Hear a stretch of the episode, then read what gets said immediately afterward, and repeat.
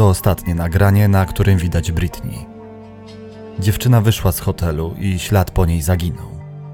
Sprawa przez wiele lat pozostawała nierozwiązana. Aż do teraz.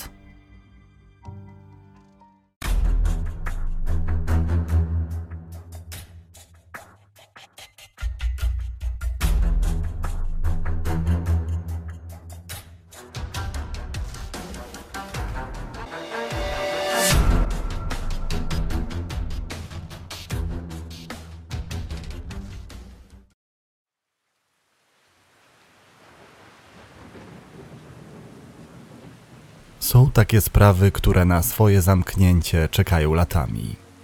Ich akta leżą w policyjnych archiwach, nierzadko zbierając kurz i czekając na moment, w którym coś się zmieni. Pojawi się ten brakujący element. Ktoś lub coś sprawi, że bliscy dowiedzą się prawdy i doczekają się sprawiedliwości. Nawet po 13 latach. Don spojrzała na swój wibrujący telefon. Widząc na wyświetlaczu imię swojej córki, odebrała natychmiast. Dziewczyna od trzech dni spędzała wiosenne ferie w domu swojej koleżanki. Powiedziała, że jest na plaży. Nie było w tym nic dziwnego. W Rochester w stanie Nowy Jork, gdzie mieszkały, temperatura tego dnia sięgała 28 stopni. Była więc przekonana, że nastolatki wybrały się nad pobliskie jezioro Ontario. Wtedy jeszcze niczego nie przeczuwała. Była pewna, że córka wróci za kilka dni i wszystko wróci do normy. Tamtego dnia, 22 kwietnia 2009 roku, gdy córka wyszła z domu, były pokłócone. Zresztą nie było to ostatnio w ich relacji nic wyjątkowego. Dziewczyna miała 17 lat i przechodziła przez tak zwany trudny wiek, a tym, co wzmagało jej negatywne nastawienie do świata, był fakt, że jej mama i jej adopcyjny ojciec, Chad, którego Britney kochała całym swoim sercem, właśnie się rozwodzili.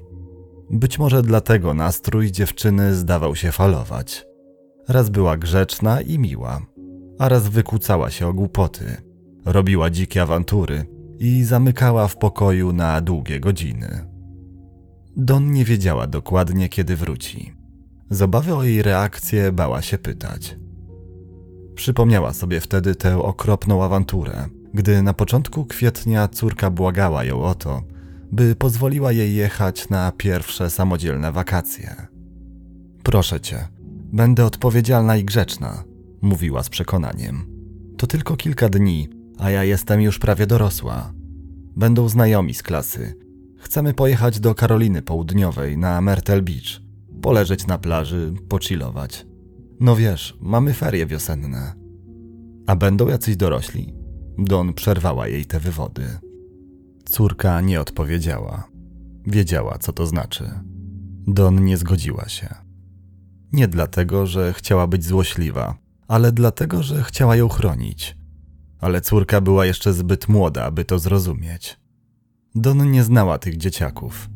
Britney żadnego z nich nigdy nie przyprowadziła do domu. Nie wiedziała więc, z jakich środowisk pochodzą, jak się prowadzą, czy piją, palą. Zresztą odnosiła wrażenie, że ta cała przygoda nie skończy się dobrze, a jej córka jeszcze była zbyt młoda na wyjazd bez nadzoru dorosłych. Rozumiała jej rozczarowanie.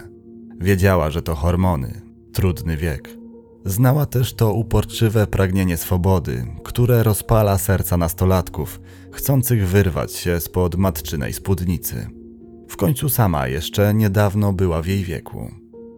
Zaszła w ciążę wcześnie, zdecydowanie za wcześnie. Była wtedy jeszcze nastolatką, która niewiele wie o życiu. Jej ówczesny chłopak, John, raczej nie był gotowy na nowy etap.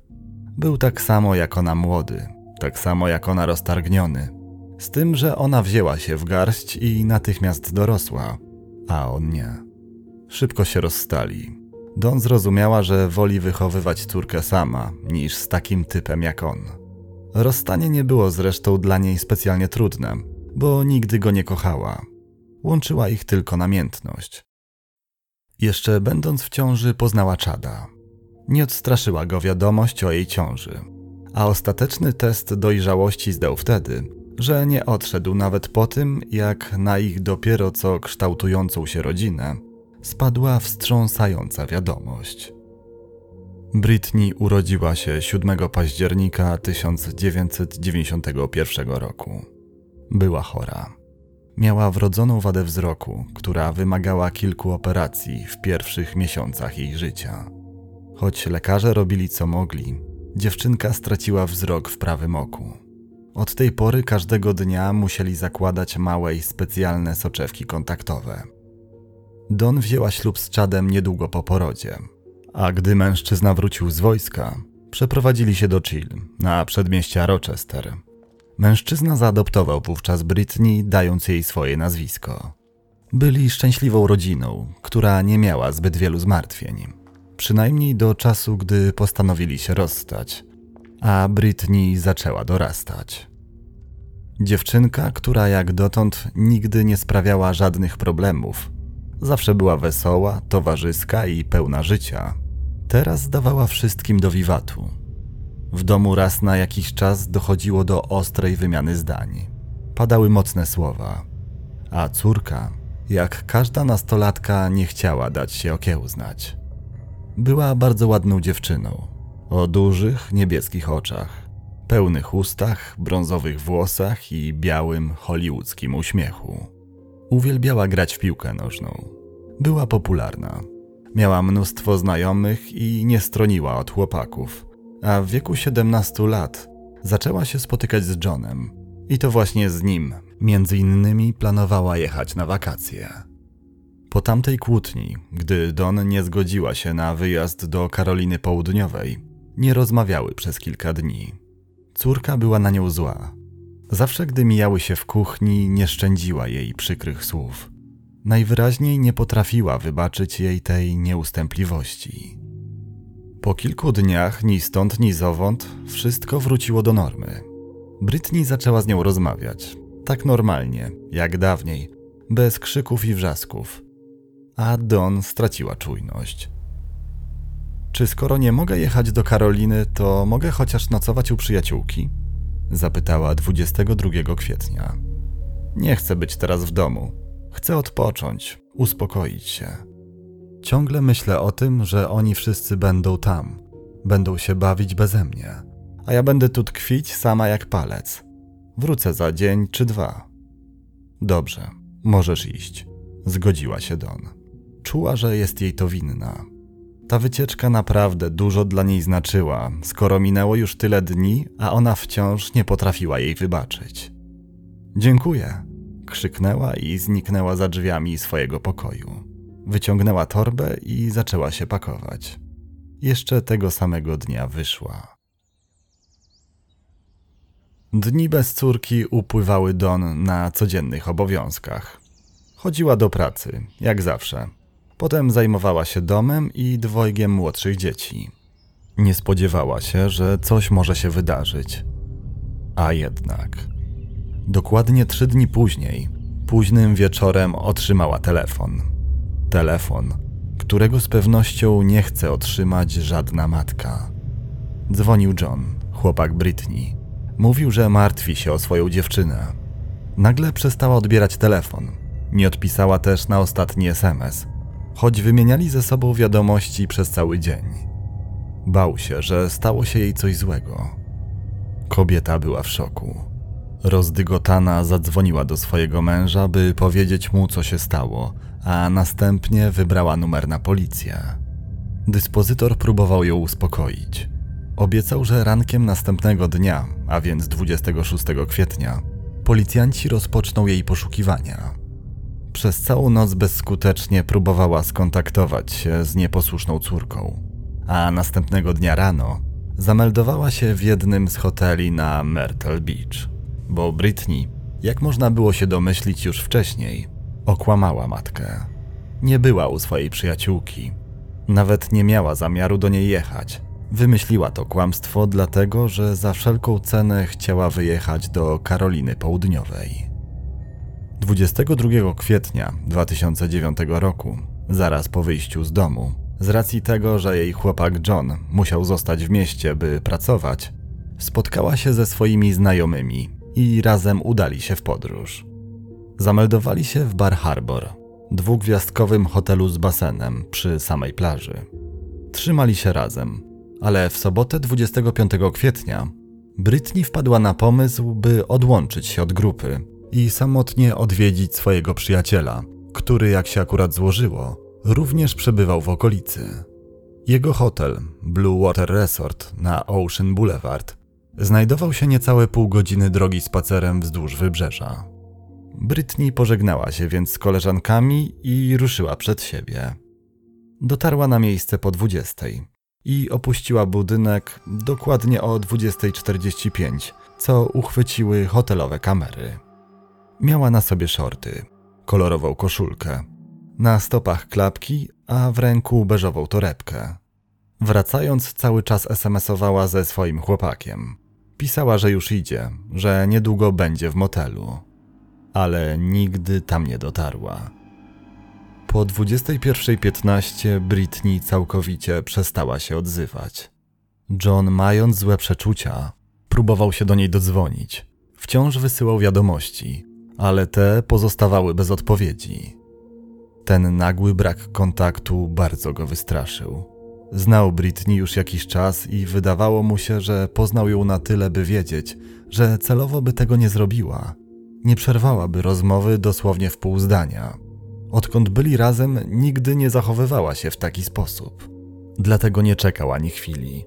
Obdzwonił wszystkie koleżanki, z którymi wyjechała, a gdy dowiedział się, że Britney wciąż nie ma w hotelu, choć już dawno powinna się tam znaleźć, wybrał numer do jej matki. Policja, tak jak obiecała, zaczęła szukać nastolatki już następnego dnia.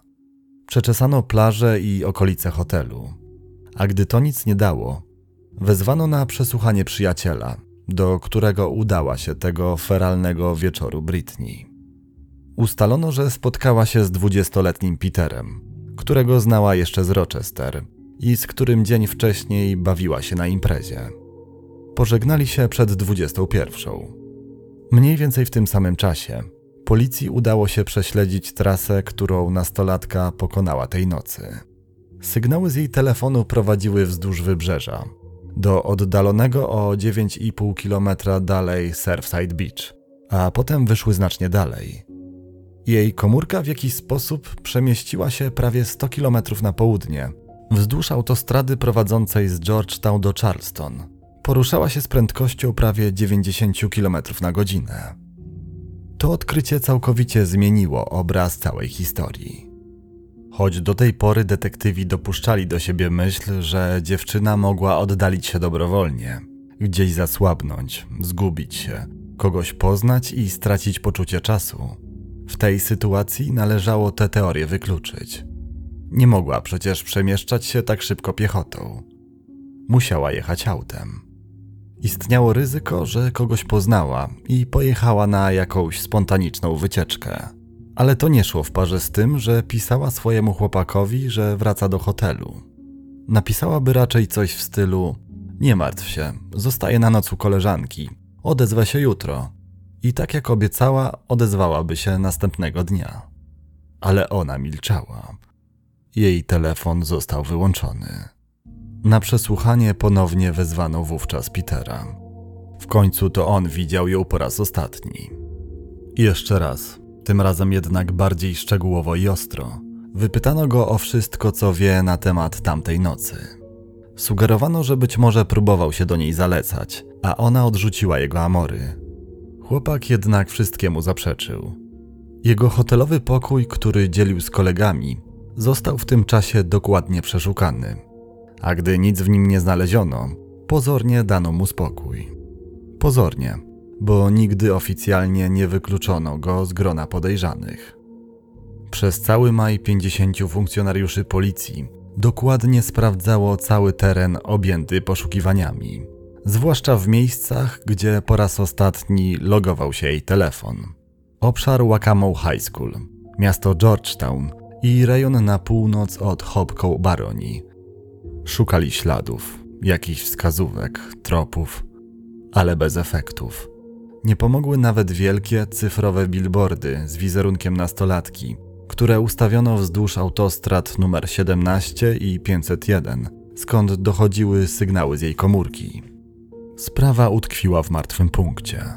Mimo, że wciąż pojawiały się nowe tropy i wskazówki do sprawdzenia, wtedy jeszcze nikt nie przypuszczał, że na rozwiązanie tej zagadki będzie trzeba czekać 13 lat.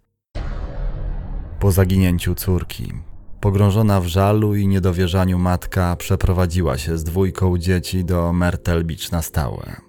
Chciała mieć pewność, że policja nigdy się nie podda, nie zaniecha poszukiwań jej córki, a gdy w końcu znajdzie jakiś ślad, to będzie na miejscu, będzie mogła wszystko nadzorować, by nic nie uszło ich uwadze.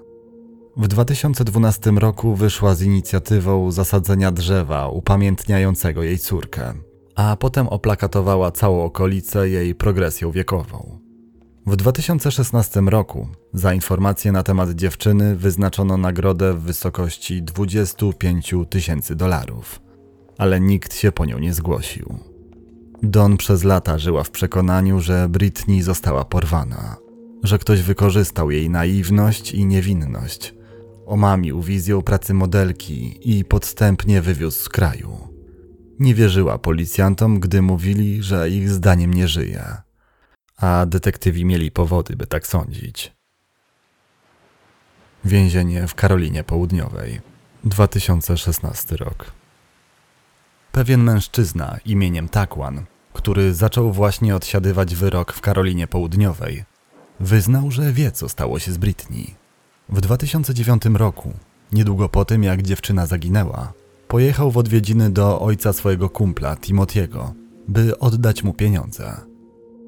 Mężczyźni mieszkali w małej, malowniczej wsi McLellanville na wybrzeżu Atlantyku. Jej mieszkańcy utrzymywali się głównie z połowu ryb, krewetek i ostryg, a ono samo znajdowało się zaledwie godzinę i 20 minut jazdy wzdłuż wybrzeża od Myrtle Beach. Stamtąd też po raz ostatni dochodził sygnał z telefonu dziewczyny. Takwan powiedział detektywom, że widział tam Britney. Widział, jak Timothy zabawia się z nią na środku pokoju w otoczeniu swoich kumpli. Gdy przekazywał pieniądze jego ojcu, którego ostatecznie znalazł na dworze, dziewczynie udało się wybiec na podwórko. Przebiegła kilka metrów, ale wtedy w ślad za nią ruszył Timothy. Uderzył pistoletem w głowę i wciągnął z powrotem do środka. Takwan usłyszał wtedy strzał, a potem kolejny. Domyślał się, że dziewczyna została zastrzelona. Jego obawy potwierdziły się, gdy zobaczył, że kolega wynosi z domu coś owiniętego w dywan. Wywieźli ją na bagna pełne aligatorów, do lasu, który otaczał wieś, mówił. Zeznania mężczyzny były szokujące i wydawały się mieć sens. Tym bardziej, że zaraz po konferencji prasowej 8 czerwca, którą poświęcono nowym faktom, inny, całkowicie niezależny więzień, który również przebywał w więzieniu w Georgetown, zeznał, że on także słyszał, że Timothy uprowadził tę dziewczynę z plakatów. Słyszał, że chłopak chciał ją sprzedać, a gdy zorientował się, że wokół sprawy zrobił się medialny szum, postanowił ją zabić. Podobne zeznania złożyło jeszcze kilka osób. Policjanci natychmiast pojechali do McLellanville, które więźniowie nazwali niepozornie skrytką. W miejsce, w którym przez jakiś czas miała znajdować się Britney. Grupa śledczych dokładnie przeszukała las i okoliczne bagna. Pieszo, konno i kładami. Przez długie tygodnie sprawdzano wszystkie 40 stawów, w których żyły aligatory ale nic nie znaleziono. Żadnego włosa, żadnego włókna, najmniejszego śladu. Timothy, o którym mowa, nie pierwszy raz siedział w więzieniu. Choć jego mama tłumaczyła, że w istocie jest dobrym chłopakiem, bardzo pracowitym i troskliwym, którego w dzieciństwie spotkało wiele nieszczęścia, bo stracił rękę. Niemal przez całe swoje życie miał na bakier z prawem i najwyraźniej nie miał zamiaru się zmieniać gdy w sierpniu 2016 roku aresztowano go w związku z zaginięciem nastolatki. Także odsiadywał wyrok. Tym razem za napad na McDonalda, którego dopuścił się w mieście Mont Pleasant w 2011 roku. W 2017 roku przesłuchano go i poddano badaniom na wykrywaczu kłamstw. Jego wyniki były niejednoznaczne. Przyznał, że słyszał, jak dwie osoby, najprawdopodobniej te, które go pomówiły, kłóciły się o jakąś komórkę, kto z nich ją ma. I to wydawało mu się podejrzane, ale poza tym twierdził, że nic więcej nie wie. Dziwnym trafem jednak, gdy zapytano go o to, czy widział Britney i czy wie, kto jest odpowiedzialny za jej zaginięcie, aparat wskazał, że kłamał. Nie było jednak twardych podstaw, by go oskarżyć. Matka Timotiego pojechała wtedy na komisariat, krzycząc i wyklinając policjantów, że znaleźli sobie kozła ofiarnego, że próbują wrobić jej syna i męża dlatego, że zależy im na szybkim rozwiązaniu sprawy, w której już dawno powinno się skazać winnych. To szaleństwo, mówiła gazetom. Mój mąż to były marynarz. Od lat pracuje uczciwie, jako kierowca i mechanik. Tak samo jak mój syn. Oni nie mogli tego zrobić. Timothy nigdy nie stanął przed sądem w związku z zaginięciem. Skazano go natomiast za coś zupełnie innego. W czerwcu 2019 roku dostał wyrok w wysokości 319 dni więzienia za kierowanie samochodem, którym uciekali sprawcy napadu na znany fast food. Tymczasem Takwan, więzień, który doniósł na niego kilka lat wcześniej, w 2019 roku udzielił obszernego wywiadu dla stacji telewizyjnej z Rochester. Tym razem już nie oskarżał ani Timotiego, ani jego ojca, ale wyznał, że w 2009 roku naprawdę widział Britney i to przynajmniej cztery razy. Była w skrytce w McLellanville. Jestem tego pewien, mówił. 27 kwietnia gwałciło ją ośmiu, a może i dwunastu mężczyzn. Drugi raz widziałem ją kilka dni później. Potem widziałem ją jeszcze dwa razy, ale już nie w McLellanville, tylko w Jacksonboro, 130 km dalej, u mojego kuzyna. Ostatni raz pod koniec maja. Takwan zeznał, że przyjechał tam ze swoim kolegą. Wtedy zobaczyli, jak Nate strzela do Britney. Gdy usłyszeli huk, natychmiast stamtąd uciekli. Nie chcieli, by ktokolwiek wiązał ich z tym morderstwem. Stacja telewizyjna uruchomiła swoje kontakty i rozpoczęła śledztwo na własną rękę. To, w jaki sposób Takwan opisywał miasteczko rybackie na wybrzeżu i dom, w którym przetrzymywano dziewczynę, doskonale odpowiadało prawdzie. To samo miało się z rezydencją w Jacksonboro. Ekipa pojechała w tamto miejsce. Chciała porozmawiać z właścicielem przybytku, ale ten już nie żył. Teraz mieszkali tam inni ludzie. Nieruchomość w hrabstwie Coleton i opuszczoną przyczepę na Camp Avenue w okolicy Jacksonboro przeszukało też FBI. Gdy ten trop okazał się ślepy, za wszelką cenę starano się dotrzeć do kolegi, o którym mówił Takwan. Jednak informacje, jakie mężczyzna im przekazał, okazały się być niewystarczające. Śledztwo znowu stanęło. FBI, by skłonić świadków do zeznań, wyznaczyło 25 tysięcy dolarów nagrody za wszelkie informacje. Gdy wydawało się, że na nic się to nie zda, stał się cud.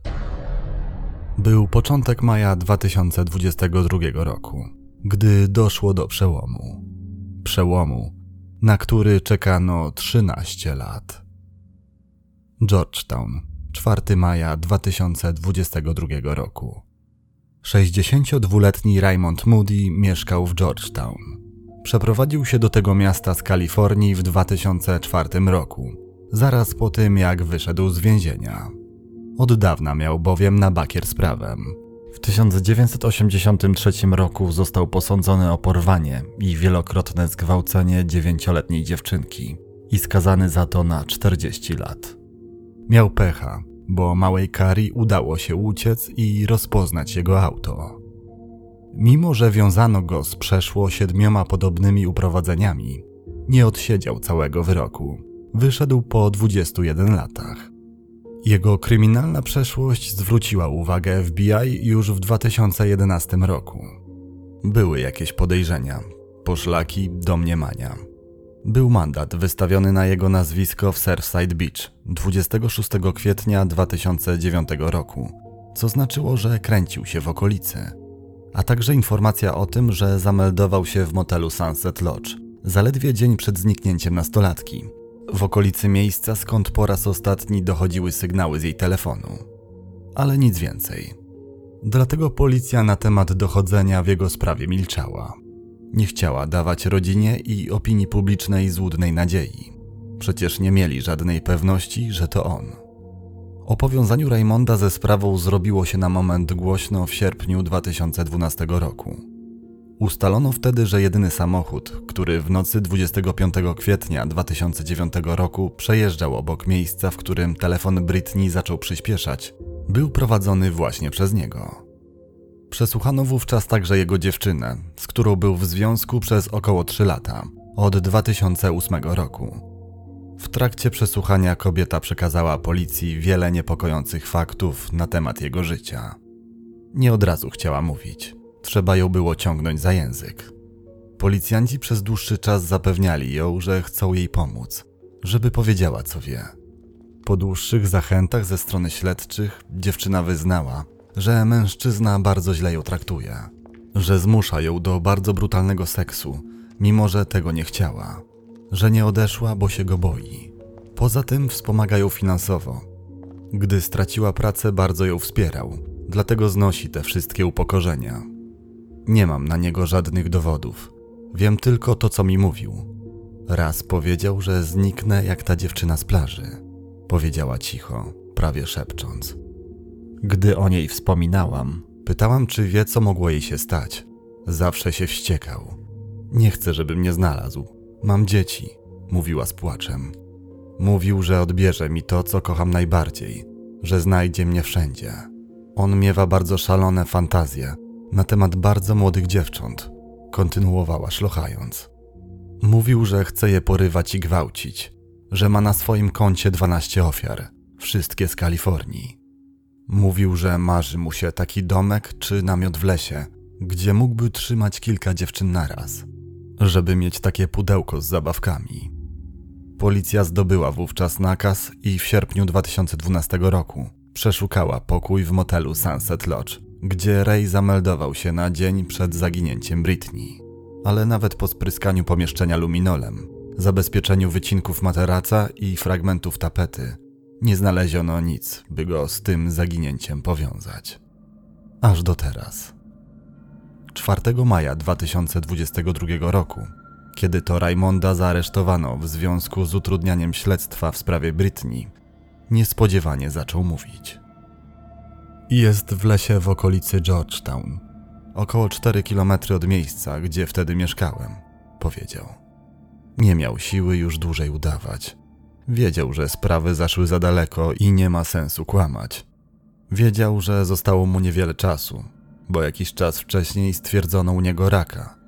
Być może miał ostatnią szansę na to, by się przyznać. Zaaferowani tą historią funkcjonariusze FBI natychmiast pojechali na opisywane przez niego miejsce. Przez kolejne dni niestrudzenie przekopywali wskazany las. Grabiami odgarniali ściółkę piłami ścinali drzewa. Sprawdzali dokładnie każdy fragment ziemi. Aż wreszcie, 11 maja, dotarli na skraj bardzo cichej i zalesionej dzielnicy Harmony Township na przedmieściach miasta. Britney znajdowała się w głębokim na 120 cm dole, na terenie prywatnej posiadłości przy Picarel Road. Około 19 km od miejsca, które podał Raymond. 56 km od miejsca, w którym widziano ją po raz ostatni. Obok niej leżał srebrny kolczyk, który nosiła w nosie. Niebieska soczewka kontaktowa, którą zakładała każdego dnia, i jej włosy. Badania dentystyczne potwierdziły jej tożsamość. Podejrzewano uduszenie, jednak ze względu na stan ciała nie udało się tego potwierdzić z całą pewnością. Raymond został aresztowany 16 maja. I jeszcze tego dnia informacja o zamknięciu śledztwa sprzed lat została podana do wiadomości publicznej. Ci, którzy przez ostatnie lata zapartym tchem śledzili wszystkie doniesienia na temat Britney, odetchnęli z ulgą. Jeden z kolegów Reya, z którym przez jakiś czas żył w romantycznym związku, Wyznał, że widział go kilka dni po zaginięciu dziewczyny. Zauważył wtedy na jego twarzy i szyi zadrapania niewiadomego pochodzenia. Zapytał wprost, czy mają związek z zaginięciem Britney, ale ten głośnym śmiechem zaprzeczył. Teraz wie, że kłamał mu prosto w oczy. 19 października 2022 roku na procesie Raymond osobiście opowiedział wszystkim, jak było. 25 kwietnia 2009 roku, wczesnym wieczorem, około 21, on i jego ówczesna partnerka Angel przejeżdżali samochodem przez Myrtle Beach. Zobaczyli wtedy spacerującą samotną nastolatkę. Gdy ją mijali, otworzyli okno. Z samochodu wydobyły się dźwięki muzyki i chmura gęstego dymu o słodkim zapachu. Ray zapytał przechodzącą dziewczynę, czy chciałaby do nich dołączyć, a ona nie odmówiła. Dobrowolnie wsiadła do auta. Po dotarciu na pochylnie do wodowania łodzi w Georgetown spędzili w swoim towarzystwie trochę czasu. Ale w pewnym momencie Angel musiała jechać. Powiedziała, że ktoś z jej rodziny bardzo źle się czuje i musi go odwiedzić. Britney i Ray zostali wtedy sami. Mężczyzna, który od samego początku liczył na intymny moment i raczej z góry nie przyjmował do wiadomości odmowy, zaczął zaloty. Zdziwił się, że dziewczyna zaczęła się opierać, a gdy nie wystarczyło proste nie, zaczęła się bronić. Chucie Raymonda były jednak silniejsze. Gdy zorientował się, co zrobił, wpadł w panikę. Bał się, że nastolatka oskarży go o gwałt i na długie lata wróci do więzienia. Sprawy wymknęły mi się spod kontroli, mówił. Gdy Angel wróciła i zapytała, co się stało z ich nową przyjaciółką, powiedział, że przyjechali po nią znajomi. Uwierzyła lub chciała wierzyć, bo nie zadawała więcej pytań. Jej rzeczy osobiste, telefon i torebkę, następnego dnia rano Ray oddał na cele dobroczynne. Wrzucił je do pudełka na rzecz Fundacji Salvation Army w Georgetown. Ją samą wywiózł do lasu. Czy mówił prawdę? Przynajmniej częściowo. Całej prawdy nie dowiemy się już chyba nigdy, mówili detektywi.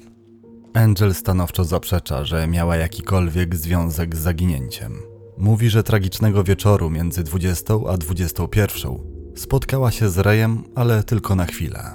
Ona została w domu, a on pożyczył od niej wóz i gdzieś pojechał. Stąd właśnie to jej auto zarejestrowały kamery i zapamiętali świadkowie. Po kilku godzinach wrócił, a gdy obudziła się rano około siódmej, już go nie było. Ray to miły, kochający facet, przynajmniej dla mnie. Jestem oszołomiona. Nie znałam go z tej strony. Mimo wszystko zawsze będę go wspierać, mówiła dla Desan. Jeszcze tego samego dnia zapadł wyrok. Raymonda skazano na dożywocie, bez możliwości warunkowego zwolnienia. Don, matka Britney na sali sądowej nie kryła emocji. Mam nadzieję, że przez resztę swojego bezużytecznego życia będziesz cierpieć w więzieniu. Nie mam dla ciebie szacunku, tak jak ty nie miałeś szacunku dla życia mojej córki, powiedziała, patrząc mu prosto w oczy. Britney miała piękną duszę, była moim życiem, była kochana przez wszystkich, była troskliwą siostrą, uwielbianą przyjaciółką. Miała przed sobą przyszłość, ale ty ją jej odebrałeś. Powinieneś się wstydzić, tym bardziej, że sam masz trzy córki. Byłem potworem. Nie mam słów, by wyrazić, jak strasznie się z tym czuję.